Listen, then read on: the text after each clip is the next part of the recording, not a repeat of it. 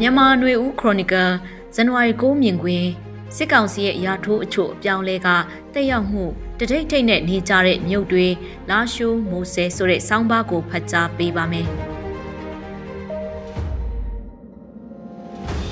စစ်ကောင်စီရဲ့ကာကွယ်ရေးဦးစီးချုပ်ရေကိုအခြားသောယာထုခန့်အကနောက်တက်လာသူနဲ့လဲလိုက်ပြီးဝင်ကြီးဌာနအချို့ဝင်ကြီးတွေကိုလည်းဝင်ကြီးဌာနပြောင်းပြီးခန့်အတာ နာဆာကရဲ့အမျိုးသားလုံခြုံရေးဆိုင်ရာအကြံပေးပုဂ္ဂိုလ်ရထုနဲ့နိုင်ငံတော်ကောင်စီဥက္ကဋ္ဌယုံဝင်ကြီးဌာနအမှတ်၄ရဲ့ဝင်ကြီးအဖြစ်ပြောင်းလဲတာဝန်ပေးတာတွေခုရက်ပိုင်းတွင်စစ်ကောင်စီကကြေညာခဲ့တာဖြစ်ပါတယ်။ စစ်အာဏာသိမ်းပြီးနောက်မှာကာချုပ်ရေဖြစ်လာသူဒုဗိုလ်ချုပ်ကြီးမိုးအောင်ကိုလက်ရှိတာဝန်မှအနာပေးပြီးနဆကရဲ့အမျိုးသားလုံခြုံရေးဆိုင်ရာအကြံပေးပုဂ္ဂိုလ်နဲ့တိတ်အရေးမပါတဲ့ဝင်ကြီးဌာနတစ်ခုရဲ့ဝင်ကြီးအဖြစ်တာဝန်ပေးပြီးကာချုပ်ရေရာထူးကနေရုတ်တရက်ဘာယာထူးမှမရှိတော့တဲ့ထင်မြင်ချက်မျိုးမမြင်ရအောင်အရေးမပါလုတ်ပိုင်ခွင့်လောက်လောက်လာလာမရှိတဲ့ရာထူးပေးပြီးနှစ်သိမ့်လိုက်တဲ့သဘောလို့ယူဆစရာရှိပါတယ်။ နိုင်ငံတော်စီမံအုပ်ချုပ်ရေးကောင်စီယုံဝင်ကြီးဌာနဆိုပြီးအမှတ်1ကနေ၄အထိဖွဲ့စည်းထားတဲ့ဝင်ကြီးဌာနတွေဟာတကယ်တော့ကြီးကြီးမားမားတာဝန်လုပ်ပိုင်ခွင့်ရှိတဲ့ဌာနမျိုးမဟုတ်ပဲ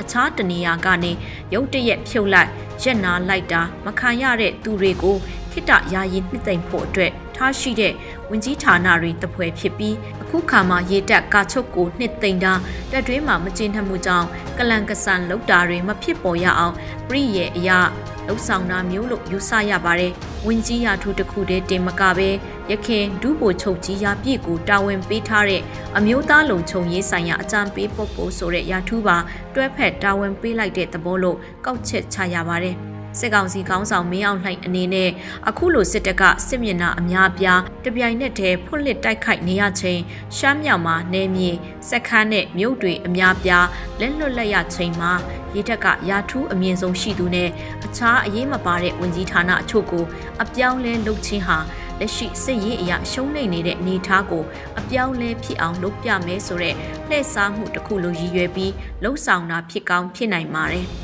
ဒီထက်ပိုပြီးစိတ်ရေးအရာအသာစီးရမယ့်အနေထားအပြောင်းလဲဖြစ်လာစရာအရေးအယောင်မတွေ့ရဘဲစစ်တပ်ထောက်ခံသူစစ်အရာရှိဟောင်းတွေအများပြားကလက်ရှိခေါင်းဆောင်မရောက်နိုင်ရဲ့ခေါင်းဆောင်မှုကိုအားမရတာဝေဖန်တာတွေဆိုရှယ်မီဒီယာမှာပေါ်ပေါ်ထင်ထင်လှုပ်လာနေကြတာတွေ့နေရပါတယ်အထူးသဖြင့်ရှမ်းမြောက်ကမြို့တွေတမြို့ပြီးတမြို့တိုင်းသားလက်နက်ကင်တပ်တွေကသိမ်းယူနိုင်ခဲ့တာ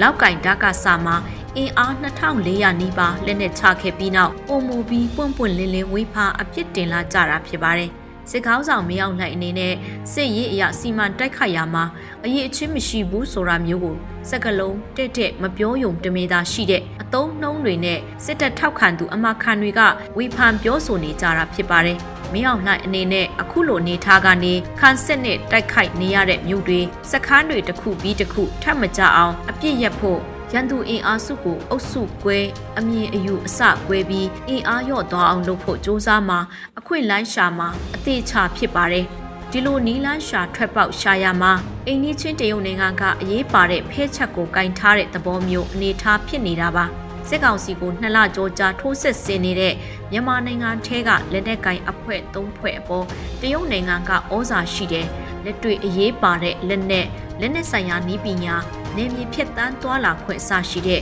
အကြောင်းအချက်တွေနဲ့ဆက်နွယ်ပြီးဒီလက်နက်ကိုင်းသုံးဖွဲ့အပေါ်စီယုံပြောဆိုနိုင်တယ်လို့အများကယူဆထားကြတဲ့အတွက်စစ်ကောင်စီကရှမ်းမြောက်ဒေသမှာစစ်ရေးအရာအချိန်တစ်ခုယူဖို့လက်ရှိဖိအားကနေခက်တရုံထွက်ပြီးအင်အားပြန်စုစည်းဖို့တွေလမ်းကြောင်းဖြတ်တောက်ထားတာတွေကိုပြန်ပွင့်အောင်စ조사ဖို့ရမှာတရုတ်နိုင်ငံကကြားကပြောဆိုနိုင်စွမ်းရှိတယ်လို့ယူဆနေတာလည်းဖြစ်ပါတယ် ဒီအကြောင်းအချက်တွေပေါ်အခြေခံပြီးတရုတ်နိုင်ငံကိုမင်းမြို့မှာတလအတွင်း၃ကြိမ်တိုင်းစက်ကောင်စီနဲ့မြောက်ပိုင်းလက်နက်ကင်၃ဖွဲ့တို့တွေ့ဆုံခဲ့တာဖြစ်ပါတယ်။သို့ပေမဲ့စက်ကောင်စီလိုလားတဲ့ရလဒ်တော့ခုချိန်ထိများရှိသေးတာလည်းတွေ့ရပြီးယခုနောက်ဆုံးတွေ့ဆုံမှုက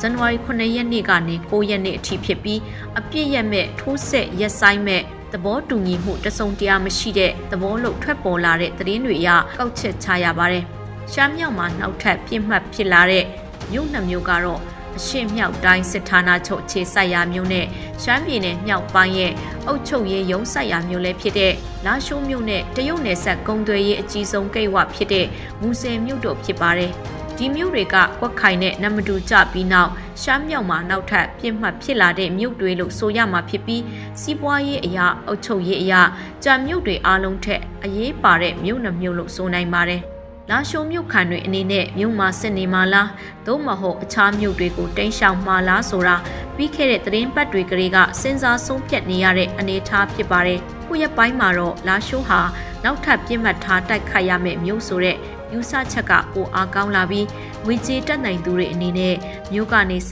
တင်တိမ်းရှောင်နေကြရလဲဖြစ်ပါတယ်။ တောင်ကြီးမန်းလေးအစရှိတဲ့မြို့တွေကိုတိမ်းရှောင်နေကြတာဖြစ်ပြီးလာရှိုးကနေတီဘောကြောင်မဲလောင်ချိုကားလမ်းမှာတရားတွေကျိုးနေတာလုံခြုံရေးအရာအနေရှိတာတွေကြောင့်ဝေးလာတဲ့လမ်းကြောင်းတွေကတဆင်ပတ်ကားသွားကြရတဲ့အနေအထားလေးဖြစ်ပါတယ်။လောက်ကင်ကလက်နက်ချဆုတ်ခွာလာတဲ့ စကခဓာကစအင်အား2400ဝန်းကျင်ကိုလည်းလာရှိုးမှာနေရာချထားပြီးလာရှိုးကိုခုခံကာကွယ်မဲလို့သတင်းတွေမှတ်ဆချက်တွေရှိနေပြီးမကြာခင်သတင်းပတ်တွေမှာတော့လာရှိုးနဲ့မူဆယ်မြို့တွေကိုတိုက်ခိုက်တဲ့သတင်းတွေထွက်ပေါ်လာလိမ့်မယ်လို့မှန်းဆရတဲ့အနေအထားလေးဖြစ်ပါတယ်ရှင်။